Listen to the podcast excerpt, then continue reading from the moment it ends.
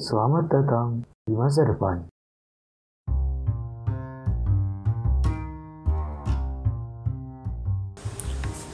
Hi there, saat ini kamu sedang berada di masa depan. Di episode kedua ini, kita bakal ngobrol lagi sama Ahmad Nawawi, aka Awi, teman gue yang jadi guest di episode pertama. Dia lulusan ITB yang harus gue akui pinter banget, dan sekarang dia bekerja di perusahaan swasta yang bergerak di bidang pembangunan pembangkit listrik. Ngeri nggak tuh bro? Lo bisa dengerin episode pertama buat uh, obrolan gue sama Awi Nah, di episode kedua ini, gue sama Awi bakalan tukeran peran, di mana dia bakalan nanyain gue. Episode ini adalah di mana gue bakalan nge-share tentang diri gue sendiri, yang bakalan nemenin lo untuk waktu yang lama, di sini, di masa depan. Enjoy!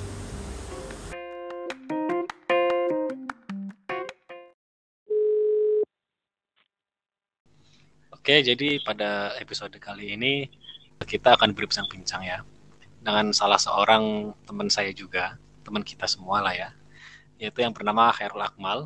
Mali telah ber, melelang buana lah ke berbagai negara belahan dunia di berbagai negara ya. Ya langsung aja Mal. Selamat malam Mal. Ayo, malam Gimana kabarnya? Baik gua. Ah, apa sih kemarin juga di episode pertama udah nanya kabar, lu nanya kabar mulu. Udah berapa hari ini nggak ketemu? Apaan coba? ya udah mal. Uh, ini kan kita dulu ketemu di majelis cendekia ya. Nah mungkin teman-teman juga banyak nggak tahu aku juga nggak tahu nih. Jadi habis dari lulus Manisa tuh lo kuliah di mana sih? Oh uh, iya apa sih? Jadi gue gue cerita dari agak awal ya. Gue asalnya dari dari Aceh. Terus apa sih dapat uh, beasiswa buat sekolah di insan cendekia Serpong di di Tangerang Selatan terus terus? uh, ya kita ketemu di situ ya kan satu kelas kita di apa sih eh, sepuluh satu uh, Pak Awai. Terus apa ya oh ya terus gua setelah lulus ke Jepang alhamdulillah dapat dapat beasiswa dari dari universitas di sana. Terus ya di di situ empat tahun kuliah. di mana? Di Tohoku Universitas Tohoku di kota Sendai dan setelah itu gue ke Australia buat kuliah lagi di uh, Jamsuk University. Gue sendiri kuliahnya di bidang marine biology, biologi kelautan. Jadi dari di Jepang di Tohoku sampai kemarin baru-baru ini JSU itu sama-sama marine biology dan uh, alhamdulillah baru aja bulan lalu selesai. Sebenarnya gue status gue sih masih masih mahasiswa sekarang, tapi uh, di di Jamsuk uh, ya sekarang statusnya masih masih mahasiswa tapi memang udah semua kewajiban gue sebagai mahasiswa udah selesai. Jadi gue tinggal nunggu ijazah doang sampai oh, um, sekitar bulan ya awal April lah nanti. Tinggal nunggu ijazah keluar. Uh, se sekarang pun misalnya gue gue masih kayak apa nulis manuskrip buat publikasi ilmiah. Tapi ya itu di, di luar di luar kuliahnya ya, sendiri ya. ya. Jadi paling itu doang. hmm. jadi lo berpegang ngeluarin biaya sama sekali? Alhamdulillah yang S2 full itu itu uh, Australia Awards uh, scholarship AAS kenalnya dari pemerintah Australia. Uh, yang di Jepang itu agak ribet sih, tapi tapi yang jelas biaya kuliahnya full gratis um, dari Universitas Tohokunya sendiri. Langsung aja ah. kan udah melelang buana nih ke Jepang, negara termaju di Asia lah sekarang bisa dibilang ya. Terus juga Australia, negara yang bisa dibilang negara maju lah, walaupun dijajah Inggris cuma udah jauh melebihi, udah hampir kayak negara Eropa gitu. Lo lihat gimana sih seberapa jauh sih ketertinggalan Indonesia dari negara-negara itu gitu. Kayak mulai dari transportasinya mungkin atau fasilitas umum atau pendidikannya atau apa gitu. Sejauh apa sih ketertinggalannya dari Indonesia negara Indonesia ini? Hmm oke. Okay. so soal ketertinggalan ya M mungkin gue gue bakalan mulai dari dari fasilitas umum dulu ya. Kayak si public amenities um, da dan hal ini mungkin nggak terlalu nggak terlalu dianggap penting lah di bagi banyak orang gitu kan. Dan mungkin yang spesifiknya gue akan ngobrol tentang taman.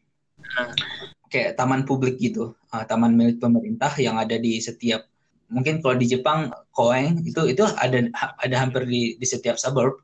Mungkin kalau di Jakarta setingkat kelurahan kali ya. Jadi setingkat kelurahan itu ada ada lapangan kecilnya. Dan dan pas gue bilang kecil mungkin apa sih sebenarnya hampir sebesar lapangan bola juga sendiri gitu kan jadi hampir di, di setiap kelurahan ada ada lap, ada taman sebesar lapangan bola.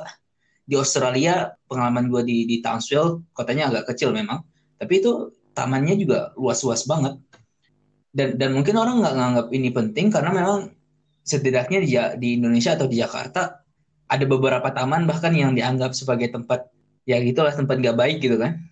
Uh, tapi setidaknya pengalaman gue di di Sendai di di Jepang dan apa di Townsville di Australia itu kayak taman itu ada ada cermin kualitas hidup juga sih sebenarnya. Sebaik apa sebuah lingkungan itu lo lihat bisa lihat dari tamannya. Karena lo masuk ke taman kan gratis kan, nggak ada yang pungut biaya. Terus eh, minimal setidaknya pengalaman gue di Australia, setiap taman itu pasti ada air bersih, jadi ada air minum kayak ada air buat minum jadi kayak ada apa sih water fountain kecil-kecil gitu kan. Untuk minum lo bisa kayak refill botol minum. Jadi misalnya lo dari rumah gitu kan bisa jadi bawa botol minum sampai di situ ya lo isi ulang di situ gitu kan. Di Indonesia kan tempat kayak gitu kayaknya hampir hampir nggak atau atau bahkan nggak ada. Ya kayak apa sih lo ke taman besar aja taman nasional misalkan ke Monas itu gue sempat lihat ada water fountain. Tapi belum bisa diminum airnya. Kayak ada peringatan di situ bilang uh, mohon maaf air ini masih belum bisa diminum. Terus pas gue lihat perusahaan yang penyedianya itu itu lupa gue namanya tapi kayak PDAM kan perusahaan daerah air minum. Dan dan gue kayak apa kayak aneh aja bro. Perusahaan daerah air minum airnya kagak bisa diminum. I mean you know. Itu sih yang yang yang menurut gue hal hal kecil tapi secara pribadi berpengaruh banget sih menurut gua. Apalagi kan minum terkait sama public health kan, sama kesehatan masyarakat, sama kualitas hidup pastinya. Terus uh, kalau kita udah bilang kesehatan juga sama apa sih budget kesehatan nasional jatuh-jatuhnya uh, BPJS, you know. Menurut gua cara paling gampang nih untuk untuk mengurangi uh, apa namanya defisit anggaran BPJS adalah lu sediakan air minum sebanyak-banyaknya di tempat fasilitas umum. Pasti walaupun nggak secara langsung dalam beberapa bulan misalkan, tapi dalam hitungan tahun kualitas apa sih anak-anak yang main di taman juga kualitas hidupnya pasti pasti bertambah kan. Mereka bahkan sering ke taman, pasti taman mereka sering minum air dan mudah-mudahan airnya air yang memang baik gitu kan. Oke, yang pertama air minum. Ya gitu sih, gue gue pribadi ngeliat gitu. Ya.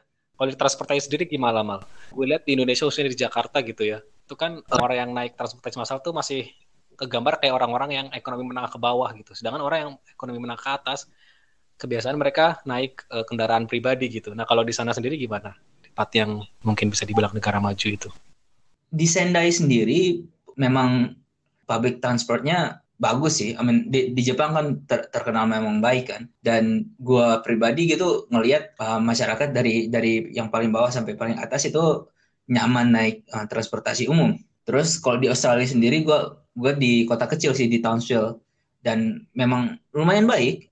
Gue nggak bisa bilang lebih bagus daripada Jepang, tapi memang dibandingin Indonesia sangat baik lah di di Townsville itu. Ya kan kualitas bisnya bla bla bla. But apa ya? konteks di Indonesia gue pribadi adalah pengguna Transjakarta DJ dan gimana ya kualitasnya memang memang bagus banget. Gue rasa juga mungkin apa sih banyak banyak kemajuan lah di bidang transportasi umum ter terutama di Jakarta ya. Gue sempat nyobain MRT ada ada beberapa hal yang yang menurut gue aneh kayak kebiasaan masyarakat atau di di ruang umum lah di di fasilitas umum memang agak beda dibandingin katakanlah Jepang yang ya rata-rata sopan. Ya tapi gimana ya? Fasilitas transportasi umum di Jakarta udah udah lumayan baik. Yang perlu ditingkatin adalah ini sih akses terutama ya gue gue sebagai pengguna Transjakarta misalkan nih kalau lebih mudah bagi gue untuk menggunakan misalkan busway misalkan gue dari rumah gue mau menuju pusat perbelanjaan atau pusat fasilitas umum atau katakanlah GBK gitu kan kalau gue bisa naik TJ dan dari TJ itu langsung ke GBK. Terus di GBK-nya sendiri, gue bisa langsung ke tempat, bisa akses langsung ke tempat yang ingin gue tuju, katakanlah ke stadionnya atau ke bagian-bagian tertentu di ya, daerah Senayan gitu kan. Itu gue bahkan bisa jadi gue bakal lebih mentingin naik transportasi umum dibandingkan gue naik mobil sendiri. Tapi kan kenyataannya di dari pengalaman gue banyak tempat di Indonesia yang memang mem, prioritaskan mobil pribadi. Jadi ada beberapa mall misalkan lu keluar dari bis Transjakarta nih. Oke, pertama gue bukan ahli public transport atau apa ya. Ini ini cuma kayak perspektif pribadi aja. Gue misalkan keluar dari Transjakarta nih. Terus halte yang berbelit-belit lu harus naik ke apa sih jembatan uh, penyeberangan orang itu habis semenit dua menit sendiri ya kan kalau misalkan orang yang umurnya apa sih agak-agak senior bisa jadi kewalahan juga di situ terus lo harus jalan lagi pas pas lo jalan lo harus turun naik tangga lagi. Dan itu tangganya tangga JPO itu gue paling nggak manusiawi loh gue gue mohon maaf nih ya, ya apa sih oke okay, MRT me memang masuknya lumayan parah banget sih gue gue rasa ada ada alasan tertentu tapi memang ke kemarin pas gue mau nyoba naik ada beberapa pintunya yang nggak bisa masuk, nggak lo bisa nggak berfungsi gitu. Terus eskalatornya pun ya gitu. Apa sih? Teman kita ada yang kerja di MRT loh. Iya, iya. kan berita kita bandingnya dengan Jakarta dengan Jakarta dengan Jakarta gitu ya, yang memang itu jadi salah satu negara yang eh salah satu kota yang pengembangan hmm. teknologi itu paling maju di Indonesia gitu. Kalau dibandingkan dengan daerah-daerah lain mungkin akan sangat lebih jauh tertinggal lagi gitu. Jangankan ada transportasi massal pun di daerah mungkin nggak ada gitu. Uh, uh, ini ini mungkin pandangan yang agak berbeda ya. Menurut gua transportasi umum ke depannya itu nggak akan bertambah lebih besar, tapi akan bertambah lebih kecil. Dan um, apa sih ada ada ide di di beberapa kota. Uh, jadi ada ada istilahnya uh, charter city, apa sih kota dengan peraturan tertentu yang yang eksklusif gitu kan, ada otonomi khusus idenya udah udah banyak bermunculan di di US terutama dan di kota-kota spesial ini nanti jalannya itu bakalan diprioritaskan untuk pot istilahnya. Jadi bentuknya kayak mobil, cuma bisa untuk berdua dan lu kayak hadap-hadapan gitu. Jadi berduanya bukan bukan horizontal tapi vertikal depan belakang. Jadi bisa dibilang kayak motor tapi empat roda lebih aman dan di saat yang sama kayak nggak nggak sebesar mobil mungkin sepanjang mobil tapi setengahnya uh, setengah lebarnya mobil uh, sistem pot ini bisa jadi nggak bisa jadi tapi memang secara teoritis sistem pot gini bakalan lebih jauh efektif bakalan lebih jauh efisien dibandingkan sistem transportasi umum bis besar gitu. Alasannya karena kalau dipikir-pikir pot ini kan kalau kecil itu nggak lebih lebar dibandingkan mobil nggak lebih katakanlah selebar motor moge gitu kan motor gede dan sepanjang motor gede juga itu kan bisa langsung ke tujuan yang ingin lo tuju kan. Jadi lo nggak harus keluar dari halte terus naik jembatan nyebrang jembatan turun jembatan kemudian pas lo keluar jembatan pun ini, ini yang agak yang yang agak gua nggak suka di Jakarta terutama trotoarnya itu nggak layak nggak layak manusia bro Oh ya, well iya yeah, kayak kayak beberapa tempat uh, Sudirman dekat stasiun Sudirman itu udah lumayan baik ya. Hmm. Dan, dan sekitaran Monas lumayan sih sebenarnya. Tapi uh, tapi di katakanlah Rasuna Said nih, itu iya. kan daerah daerah elit juga kalau bisa dibilang kan. Lu jalan di trotoarnya itu, Bro. Kalau lu nggak hati-hati, antara lu terkilir uh, terkilir atau ya lu jatuh ke got gitu. Melihat ini ya melihat kondisi sekarang. Da, dan itu pembangunan kan uh -huh. terus dilakukan gitu ya. Itu sejauh mana sih berapa tahun lagi sih kira-kira hmm. dari segi transportasi ini khususnya bisa mencapai level yang bagus? Gue gue bukan gue gue bukan ahli tata kota ya gue bukan bukan staf khusus gubernur atau staf khusus presiden. Ya gue gue nggak nggak bisa bilang bahkan baik atau enggak. Ujung-ujungnya kan pasti ada terutama kalau tentang uh, apa sih fasilitas umum ya itu kan ujung-ujungnya tentang policy kan da dari pemerintah. Uh, public policy. Private pihak swasta kan nggak nggak bisa terlalu ikut campur juga sebenarnya. Be beda misalkan kalau lu ngom ngomongin kayak topik kita di episode pertama energi kan swasta bisa supply kan selama mereka bisa ngasih sesuatu yang kayak market value gitu PLN sendiri bahkan seneng banget gitu kan. juga gitu dong. Beda, beda ada integrasi apa iya iya, iya. apa namanya transportasi massal gitulah kan aku pernah ke Kuala Lumpur juga terus ke Singapura itu udah kalau negara-negara yang kayak gitu aja aku Indonesia hmm, hmm, jauh banget ketinggalan gitu ya misalkan MRT yang sekarang Jakarta kayak gue lihat itu di Malaysia Iya, iya. di Kuala Lumpur itu kayak udah dari tahun 2000-an mungkin di sana udah ada gitu lihat relnya udah tua terus ininya udah tua juga Hmm, hmm, hmm. keretanya jadi kita dari tahun 2000 kali aku juga nggak searching sih di Indonesia baru mau dibangun gitu berarti mungkin kita ketinggalan Hmm, gua- tahun hanya dari Lumpur Iya, gua, gua rasa sebenarnya hal hal ini konteksnya katakanlah dalam dalam 10 tahun lagi gitu kan.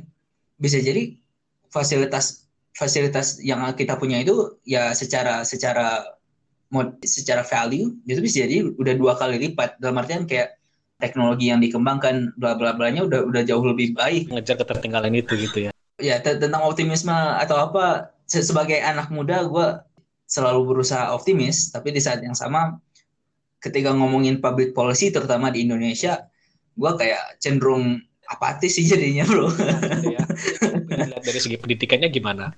Maksudnya pendidikan di sana sama di sini itu gimana? Gue gue pribadi ng- ngelihatnya kan sebenarnya se- sekarang udah era informasi gitu kan bukan lagi era industri. Dan di era informasi seluruh hal seluruh pelajaran seluruh buku seluruh you know rumus teorem seluruh teori-teori yang pernah dikembangkan itu kan udah tersebar dengan sangat baik di di banyak media gitu kan. Dan hal-hal yang cukup terkenal kayak Wikipedia untuk ensiklopedia terus Khan Academy untuk pelajaran anak-anak sekolah, you know, Free Code Camp untuk yang mau belajar programming, terus banyak banget banyak banget informasi yang tersebar di mana-mana, bisa diakses secara gratis selama lu punya komputer dan lu punya internet, itu udah bisa. Indonesia memiliki Yang- fasilitas yang sama dengan negara mana pun di dunia ini gitu ya tinggal bagaimana kita mem- memanfaatkannya Ya ya itu itu itu, itu yang ingin gue gue tuju sih. Poin gue adalah sebenarnya lu gampang banget kalau tentang pendidikan ya. Lu gampang banget, Bro. Di Indonesia lu kembangin internet, ya kan? Lu bikin banyak komputer yang murah gitu kan, sejuta dua juta.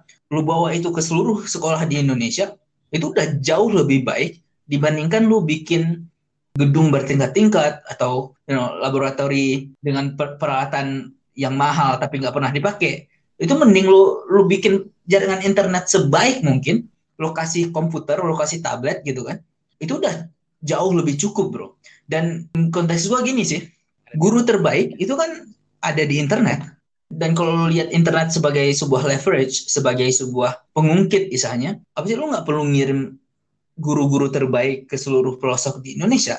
Yang bisa lo lakukan adalah cari guru paling baik ya kan? Lu rekam apa pelajaran terus lu istilahnya sebarkan pelajaran tersebut ke mana-mana di saat yang sama di masing-masing sekolah ini di yang tempat-tempat kecil ini lu nggak perlu apa sih nggak perlu banyak guru profesional. Mungkin beberapa guru profesional tapi yang dibanyakin adalah mentor. Dan dan ketika gue bilang mentor gini ya orang-orang dari kampung itu sendiri lu nggak nggak perlu ngirim guru-guru muda dari Jawa ke seluruh pelosok di Indonesia. Lu cari orang-orang muda di masing-masing desa di masing-masing pulau-pulau terpencil tersebut ya kan? Em- empower them kasih mereka fasilitas kasih mereka akses terhadap guru-guru terbaik di Jakarta ya kan? Kasih pelatihan mingguan misalkan pakai online class. Terus masing-masing mentor tersebut nggak nggak harus guru profesional ya masing-masing mentor tersebut bahkan bertanggung jawab terhadap beberapa siswa dan mereka kayak bimbing siswa-siswa tersebut bersama gitu. Dan menurut gue ya ini jauh lebih baik dimainkan lu istilahnya produksi guru sebanyak-banyaknya sarjana pendidikan terus lo sebar ke mana-mana tapi mereka cuma di sana setahun dua tahun. Tapi gini gue kembali lagi gue bukan ahli pendidikan gue cuma kasih ngasih perspektif ini era informasi. Cara paling gampang bagi pemerintah sebenarnya adalah well bukan pemerintah juga tapi, kayak ya kita sebagai sebuah negara adalah bikin jaringan internet terbaik bro. Secepat mungkin bro internet itu nggak ada istilahnya terlalu cepat Kar- karena se- semakin cepat internet yang lu bisa bikin semakin banyak kemungkinan yang yang oh semakin banyak kemungkinan yang bisa terjadi dengan jaringan internet secepat mungkin dengan bandwidth sebesar mungkin gitu kan. Lu, lu mau bicara katakanlah kayak pembedahan jarak jauh kayak remote medical equipment jadi misalkan dokter bedah dari uh, RSCM mereka bisa di Jakarta mereka bisa di online site di situ terus nanti apa sih bi- bisa connect ke peralatan di pelosok di katakanlah Indonesia Timur atau pelosok-pelosok Sumatera pelosok-pelosok Kalimantan ya kan? Lu tinggal bawa alatnya doang lu tinggalin di situ ya kan? Cukup perawat atau atau bidan atau mantri uh, yang berasal dari warga lokal sendiri ya kan? Kan kalau misalnya perawat gitu atau um, atau bidan pelatihannya kan nggak nggak se apa nggak seintensif atau setidaknya resource yang digunakan untuk melatih mereka itu kan nggak nggak sebanyak melatih dokter itu sendiri kan? Kalau misalkan lu perawat misalkan lu dari dari kampung nih ya kan? Lu keluar ke kota katakanlah tiga empat tahun lu bisa balik ke kampung lagi dengan ada adanya peralatan itu kayak bedah jarak jauh. Lu punya kemampuan dokter karena dokter bisa kontak langsung ya kan? Tapi itu perlu jaringan internet yang sangat baik, bro. Soalnya kan kalau kita ngomongin bedah, kita nggak boleh ada latency kan, nggak boleh ada jeda antara aksi yang dilakukan oleh dokter tersebut katakanlah di Jakarta sama aksi yang dilakukan oleh tangan robot di uh, pelosok Kalimantan misalkan. Itu kan nggak boleh ada jeda. Dan yang diperlukan di situ adalah jaringan internet secepat mungkin. Negara di dunia pakai sistem kayak gitu atau emang se sekarang yang yang dari gua tahu dari berita-berita di China memang udah banyak uh, beberapa kayak perusahaan yang udah langsung ngeluarin produk-produk terbaru mereka kayak prototipenya langsung dikeluarin sekarang karena kan lagi ada krisis uh, NCOV kan uh, novel coronavirus. Dan itu karena nggak semua dokter bisa bisa dikirim ke misalkan ke pusat. Kalau sekarang di Wuhan di provinsi Hubei.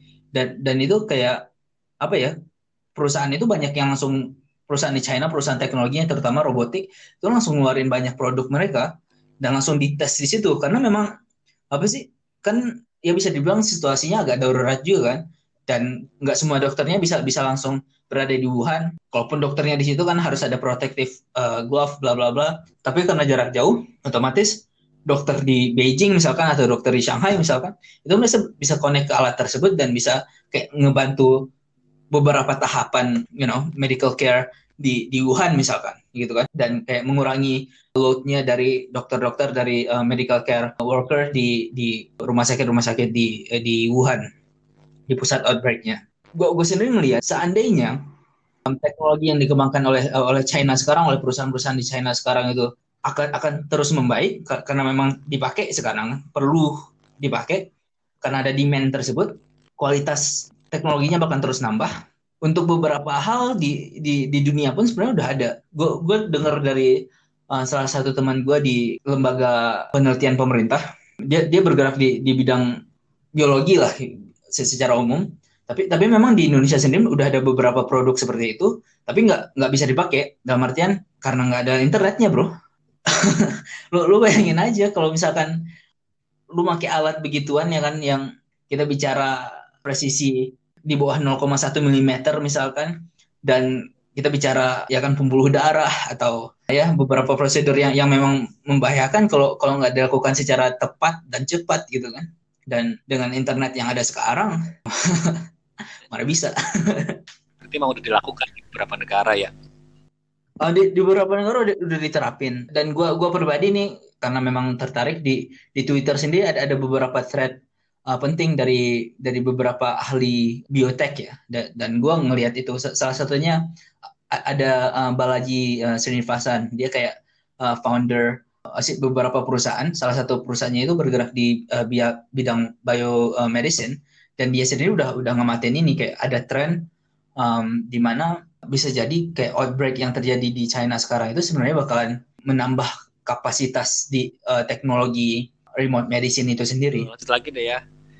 Maksudnya ini masalah pendidikan formal nih. Di Indonesia kan pendidikan formalnya kan masih ada SD, SMP, SMA, terus S1, S2, nah gitu. Di sana kayak gitu juga hmm. udah era-era digital juga sih? Apa udah mulai era digital yang kayak lo sebut tadi? Atau Indonesia perlu nggak lakuin hal-hal yang mungkin tertinggal dari hmm. Ini ini menurut, menurut gue pribadi ya, gue gua nggak bisa nggak bisa ngomong pendapat expert di, di bidang pendidikan atau apa. Gue gue bukan expert bidang pendidikan katakanlah gue punya anak nih uh, suatu saat you know 10 tahun lagi misalkan gue gue punya anak dia akan tumbuh di dunia yang sangat jauh berbeda dibandingkan yang di mana kita tumbuh. Gue merasa yakin bahwa kuliah universitas di mana di, yang dia akan pergi itu akan jauh berbeda dengan universitas yang kita punya sekarang. Bahkan bisa jadi sistemnya itu memang gak ada universitas lagi. Gue pribadi misalkan nih punya anak 10 tahun lagi dia tumbuh dewasa so katakanlah 30 tahun lagi dia umur 20-an gitu ya itu gue nggak akan terkejut kalau dia nggak nggak nggak kuliah. Atau atau minimal nggak pergi ke universitas seperti yang kita lakukan. Kayak empat tahun di sebuah tempat lu belajar begitu banyak hal beberapa halnya nggak pernah dipakai gitu kan. Gue gue rasa akan akan jauh beda. Beberapa komponennya sebenarnya udah ada. Di US itu ada istilahnya Lambda School. Itu kayak sekolah programming yang lu enam bulan doang di situ. Dan memang disiapin dari awal sampai akhir itu langsung job ready. Lu kayak kuliah enam bulan setelah lulus langsung kerja gitu kan. Dan ini jauh lebih baik dibandingkan kayak dan kita bicara programming ya. Di Indonesia atau di dunia secara umum bisa bandingin itu sama kuliah tiga atau kuliah empat tahun di bidang computer science atau information science. Kalau misalkan lu kuliah enam bulan kerjanya di di level yang sama sama yang kuliah empat tahun lu ngapain kuliah empat tahun? Gitu kan ya dan gue ngeliat komponen-komponennya udah ada. Terus lo tahu massive online course juga kan kayak EDX, Coursera, juga Khan Academy sebenarnya. Itu kan kalau bisa dibilang kalau misalkan ada anak-anak tersebut kayak punya ketertarikan tertentu di bidang tertentu, mereka bisa ngambil online course aja. Mereka nggak perlu ngabisin 4 tahun belajar terlalu banyak hal sebenarnya kan. Dunia ya, maksudnya dalam artian diakui sertifikatnya dia kan, diakui jadi bahwa dia mampu untuk melakukannya. Ya, jadi uh, Lambda School sendiri kan mungkin karena karena bidang, bidang industrinya juga ya, bidang teknologi. Dan kan bidang teknologi kalau bisa dibilang karena mereka future oriented, nggak nggak terlalu saklek sama credentialism. Jadi paham bahwa sertifikat itu berharga. kan kan ke, I mean look, look kayak a piece of paper ijazah atau apa-apa sebenarnya kan kalau kita bilang secara umum nggak berharga kan kayak itu cuma membuktikan bahwa lu pernah kuliah, udah doang. Tapi kalau misalkan lu udah yeah. balik ke kerja, kan itu kembali ke sama skill. Dan kalau bisa dibilang, menurut gue pribadi ya, misalkan gue punya perusahaan nih, ada anak satu lulusan kuliah 4 tahun, terus ada anak satu yang kuliahnya enam bulan, tapi pas misalkan di, dikasih pekerjaan masa interview bisa jadi lo dikasih kayak pekerjaan kecil gitu, suruh untuk lihat hasilnya gitu kan tapi kalau hasilnya itu mirip-mirip, gue bakal bakal milih yang enam bulan mendingan yang empat tahun. Perspektif gue gini, kalau yang enam bulan itu produknya segitu, kenapa yang empat tahun itu produknya masih segitu, bro? Ngerti gak sih? Nah, gue gue jadi mungkin ini kayak jadi bias juga ya, tapi gue malah malah jadi anti yang empat tahun. Cuma memang untuk kayak lo bilang pendidikan formal dari kecil sampai ke S1, S2, gue pribadi gue akan ngelihat kayak SD misalkan itu adalah di mana di masa itu kan masa pembentukan karakter. Gue suka sistem Jepang di mana lu nggak nggak di, nggak di, dikasih tes sampai kelas berapa ya? Lupa gue tapi memang lu nggak dikasih tes sama sekali. Jadi nggak ada ulangan atau ujian semesteran nggak ada buat anak-anak SD ya. Kan kalau di sekarang? Kan yang di, dikembangkan dulu itu ke, kecerdasan emosionalnya kemampuan dia bekerja sama kemampuan dia you know empathy uh, sympathy itu kan eh, dilatih itu dulu sebelum karakternya dilatih dulu sebelum mereka disuruh belajar yang istilahnya belajar kayak ada adik kita sekarang kan yang yang dari jam 6 oh sih kadang-kadang bahkan jam, jam 7 jam 8 pagi sampai jam you know 6 sore karena ada les bla bla bla. Itu, itu menurut gue ya kayak SD seharusnya di masa pembentukan karakter oke okay lah ada ada beberapa hal yang diajarkan tapi lu nggak perlu nggak perlu kayak maksa mereka untuk untuk stres stres ulangan itu seharusnya nggak ada loh bagi anak SD ya, menurut gue ya orang tuanya pun nggak terbuka gitu pikirannya kadang mereka nganggap kalau anaknya nggak dia tetap menekan beratnya gitu ah kamu kayak gitu aja nggak bisa kalau kan mungkin emang nggak jago di sendiri dan jago di bidang lain gitu kan Iya, iya. Apa sih kan ada ada istilah ini. Sebenarnya kita semua ini adalah orang-orang cerdas, tapi kita cerdas di hal-hal yang berbeda gitu kan. Kita semua pinter, tapi kita pinter di hal-hal yang berbeda. Ngapain lu paksa seluruh anak-anak ini untuk punya kemampuan yang sama di bidang yang sama. Itu itu kan apa sih kayak ya ini mohon maaf nih gue pakai istilah kebodohan yang diulang-ulangi terus gitu kan. Bro lu lu masuk SD sekarang udah dites. Itu gila menurut gue lu masuk SD dites.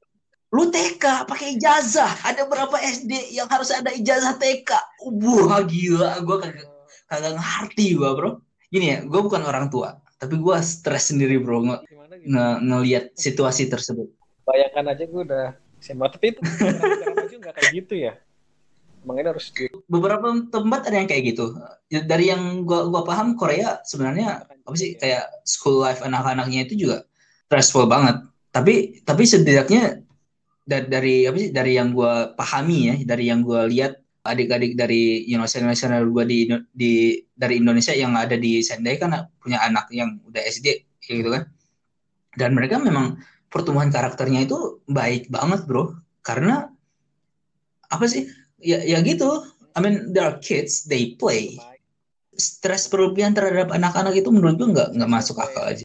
Gue nggak nggak bisa bilang perspektif SMP SMA karena memang ya gue nggak pernah pengalaman di di situ ya. Tapi misalkan di di Australia ini gue kan tinggalnya dekat dekat sekolah juga kan.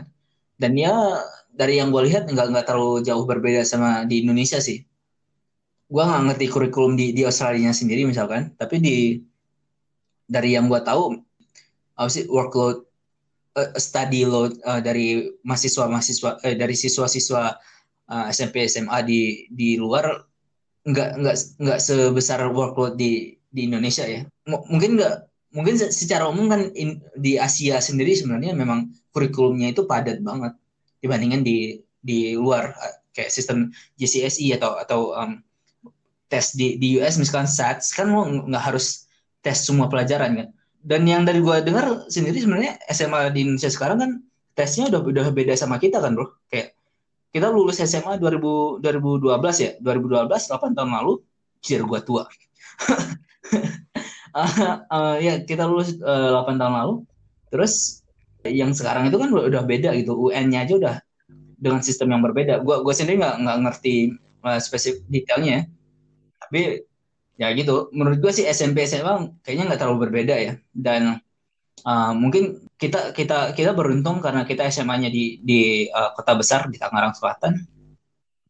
Tapi ya gitu sih. Menurut gue mungkin secara secara perspektif anak kampung anak dari Aceh ya SMP SMA-nya ya ya di dibikin dibikin lebih baik aja sih. Kayak di standarnya standar kota. Tapi kalau misalkan soal SD ini terutama gue ya gitu menurut gue gue nggak setuju stres berlebihan terhadap anak-anak apalagi anak-anak dipaksa untuk apa sih ikut ulangan uh, apalagi ulangannya itu ulangan periodik ya dalam artian kayak ulangan minggu apa sih ulangan uh, ujian tengah semester atau ujian akhir semester kan itu kayak seminggu atau dua minggu atau bahkan bisa jadi sebulan anak-anak itu stres terus gitu kan.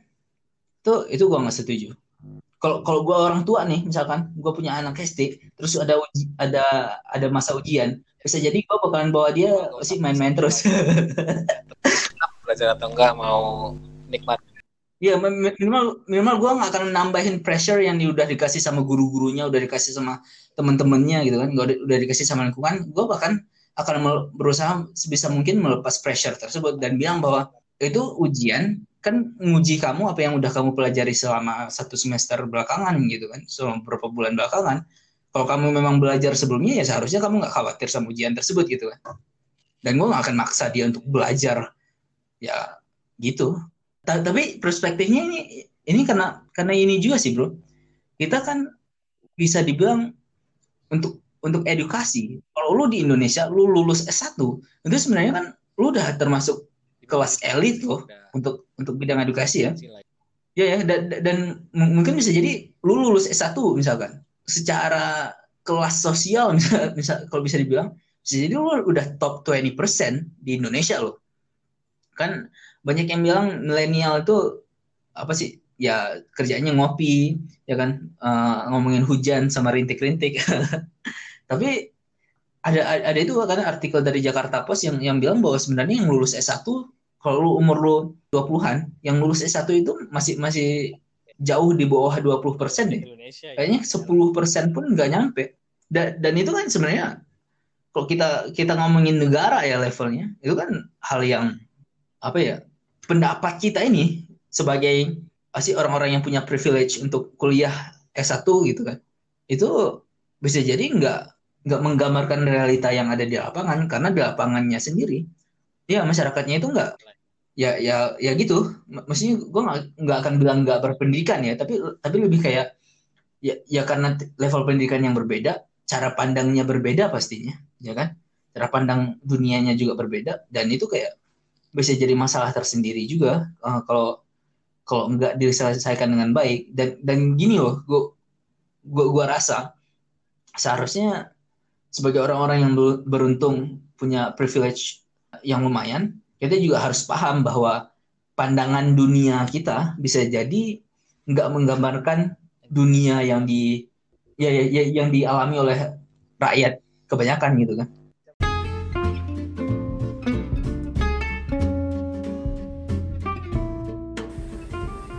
Oke, barusan itu adalah bagian pertama dari episode kali ini. Thank you udah mendengarkan, ngalor ngidul sih pembicaraannya.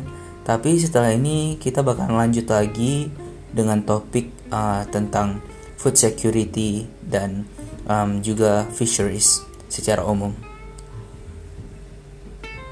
Thank you.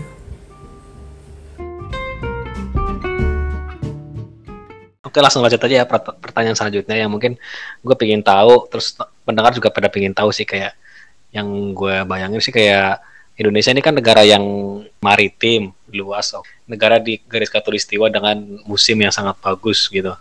Jadi untuk pertanian, untuk peternakan itu menurut gue sih sangat bagus sih di Indonesia.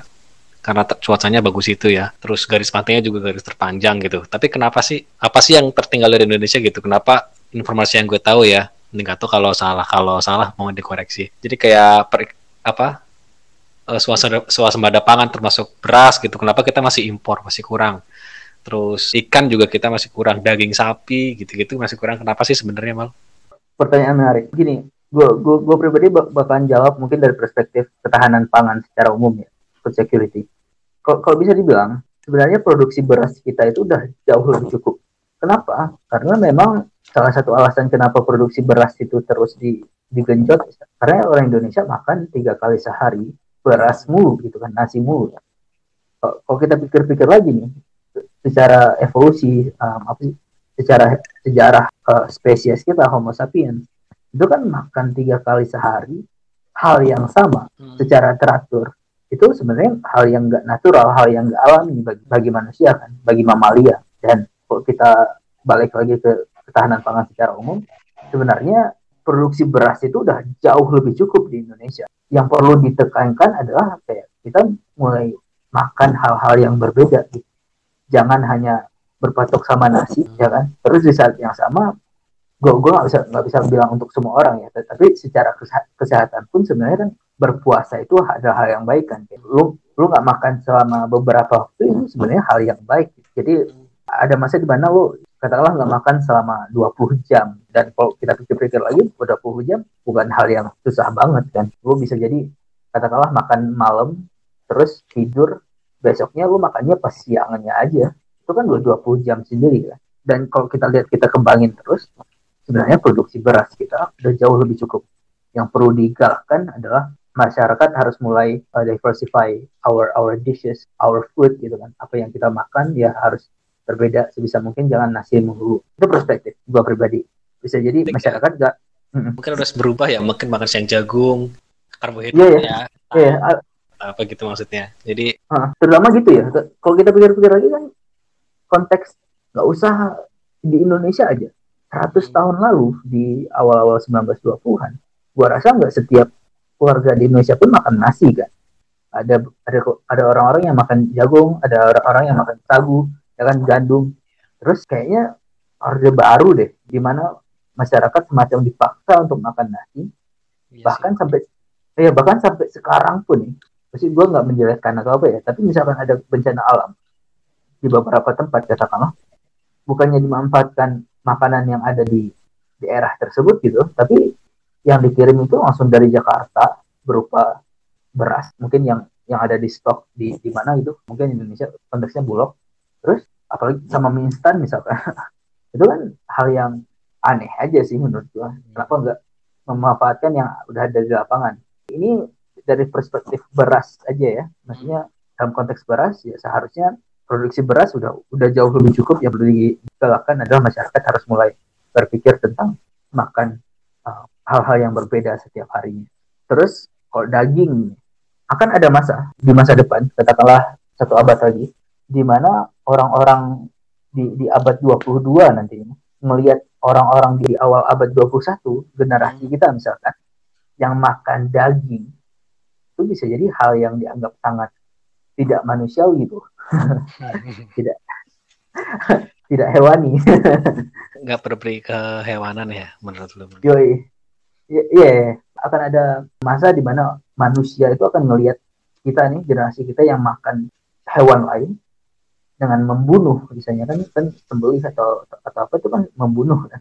Hmm. Itu akan dilihat sebagai sebuah hal yang bisa jadi separah apa kerja paksa atau atau bahkan separah perbudakan di di abad 15 atau di abad 10 hmm. gitu. Hal, hal yang di abad itu hal yang wajar kan perbudakan misalkan. Ya. Hal hal yang sangat sangat wajar saat itu.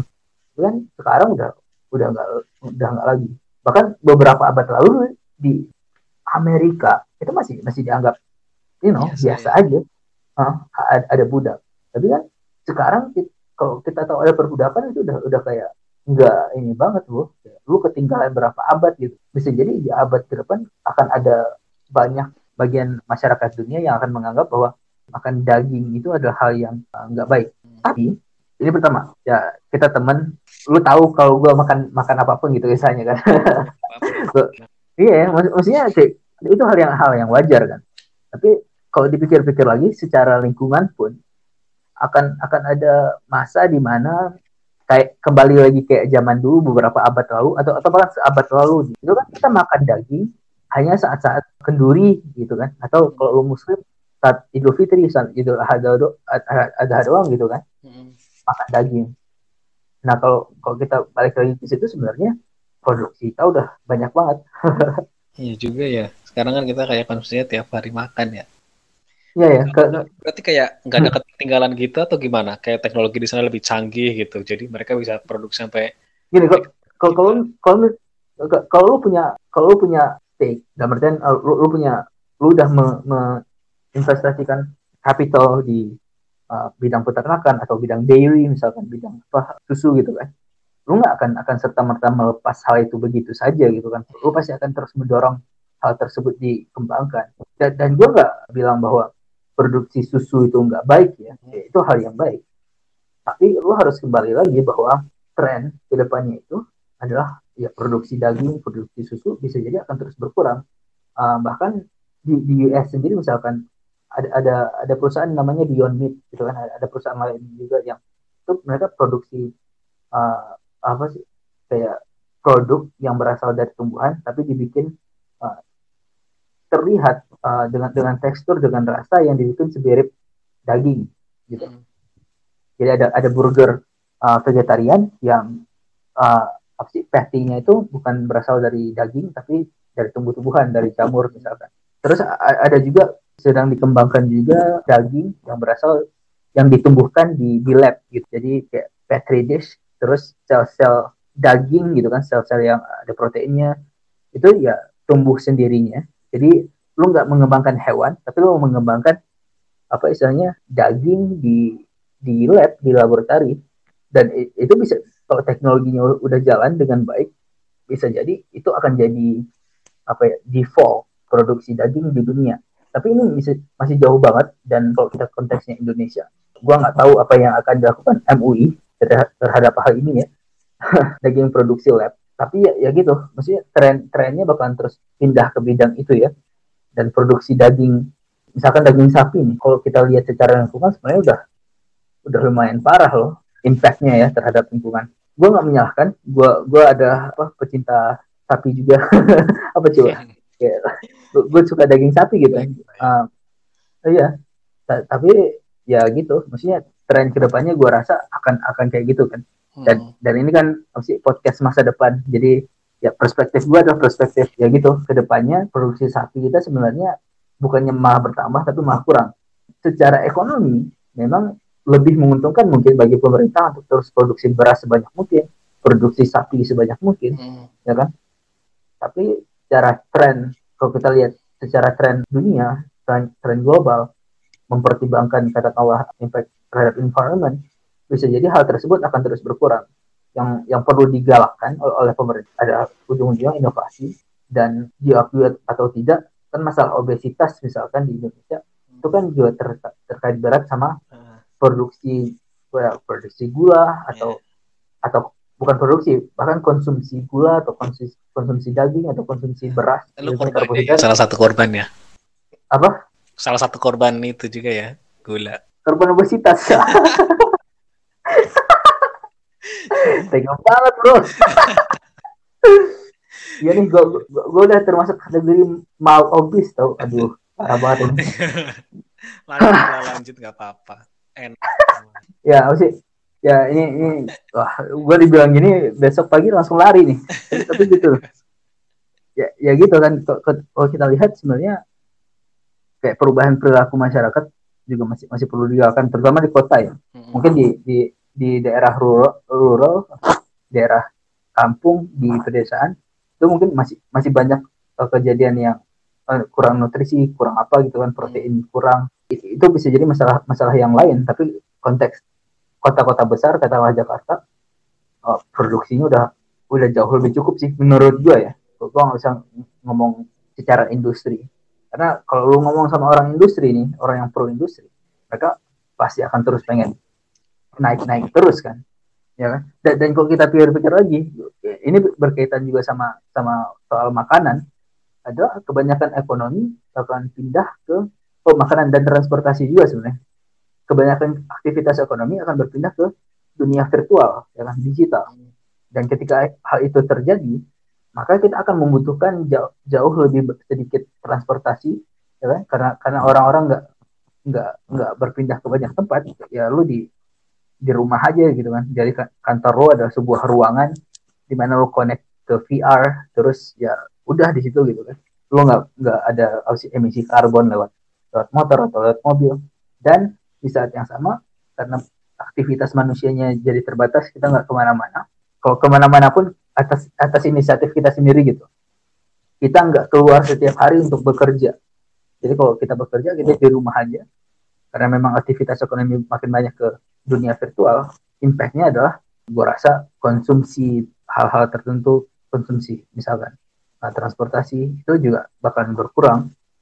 Nah, seberapa cepat hal itu terjadi, seberapa cepat misalkan tren tersebut sampai ke Indonesia misalkan, hmm. itu gua gua nggak bisa bilang. Ya, yang jelas, gua pribadi gua nggak akan terlalu fokus misal misalkan nih gue punya uang, gua nggak akan naruh uang gue katakanlah di perusahaan produksi minyak misalkan hmm. ya kan karena alasan alasan environment sama halnya gue nggak akan naruh uang gue di apa sih perusahaan pertanian atau peternakan yang fokusnya sama resource intensive uh, production jadi beras yang butuh banyak banget ladang sawah gitu kan hmm. gue pribadi nggak nggak akan naruh uang gue di situ gitu. gue nggak tahu apa yang dibayangkan oleh pemerintah tapi itu sih perspektif gue Oke, udah lama banget kita berbincang ya, udah bersatu jam. Oh iya. Yeah. kita tutup aja ya. Jadi kita udah bahas banyak banget nih, mulai dari apa hal-hal yang harus dilakukan Indonesia biar kayak negara maju, biar lebih dari mereka juga itu udah banyak banget lah, mulai dari segi peralatan fasilitas umum, terus ada hmm. pendidikan juga, terus ada dari terakhir pendidikan, ada maring biologi juga ya. Maksudnya ada yang di Indonesia itu gimana masa depan? Eh kita nggak ngomongin ocean sih tapi ya secara umum gitu produksi perikanan pun sebenarnya di, di dunia pun trennya itu udah udah mulai pindah ke aquaculture jadi ke ke perikanan uh, budidaya ya. Oh ya budidaya perikanan. Jadi uh, perikanan tangkap liar itu semakin berkurang sebenarnya secara proporsi. Mungkin secara jumlah masih masih bisa bertambah ya tapi secara proporsi total perikanan dunia perikanan tangkap itu masih akan terus berkurang. Ya bagiannya persentasenya dibandingkan katakanlah aquaculture budidaya perikanan. Dan trennya itu udah udah jelas banget. Kayak FAO pun segala research FAO pun udah udah udah nunjukin hal yang sama gitu. Kayak perikanan budidaya akan terus bertambah. Dan kalau dipikir-pikir lagi kan perikanan budidaya pun yang yang teknologi intensif itu udah banyak. Jadi nggak resource intensif ya. Jadi teknologi intensif. Jadi kapitalnya itu lebih banyak ke peralatan-peralatan yang membuat sistem yang lebih efektif, efisien untuk produksi ikan atau produksi udang misalkan. Ada beberapa perusahaan di Indonesia yang udah bergerak di bidang itu kan, perusahaan agritech gitu lah. Kalau nggak salah teman kita juga juga ada yang bikin perusahaan di bidang itu kan. Hmm.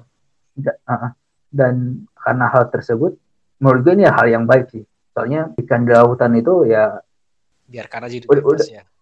Jadi bebas dan saya yang sama kan sebenarnya semakin banyak ikan lautan itu kan berada di kapan pun kita, kita tangkap ikan kita nggak tangkap ikan ikan akan berada di sebuah equilibrium tersendiri kan uh, ekosistem akan nyari nyari kes, keseimbangan sendiri kan ketika kita introduce human ketika manusia masuk ke lautan dan mengambil sebagian besar hasil laut itu kan keseimbangannya akan akan berubah gitu.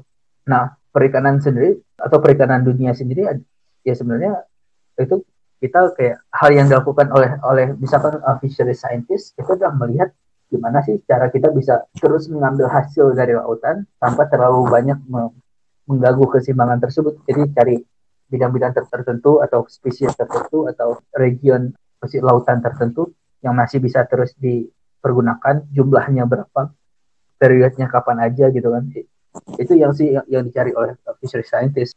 Supaya produksi perikanan dunia bisa terus dijaga. Tapi karena memang produksinya akan ber, berpindah semakin banyak ke aquaculture itu hal yang baik. Soalnya aquaculture terutama yang teknologi uh, intensif bukan yang bukan yang resource ya tapi teknologi intensif itu bahkan bahkan memproduksi lebih banyak ikan lebih banyak protein per area tambak misalkan. Ya kan? Semakin semakin bertambah jumlah produksi per area tambak itu kan semakin baik jadi semakin banyak yang bisa diproduksi tanpa lo harus bikin tambak baru tanpa lo harus buka tanpa lo harus membabat you know hutan mangrove yang baru supaya lo bisa nyari tambah lagi. Tambak-tambak yang udah ada bisa terus ditingkatkan jumlah produksinya. Itu sih sih kayak tren yang gue lihat ya. Dan, dan ini udah terjadi udah terjadi di, di abad sekarang.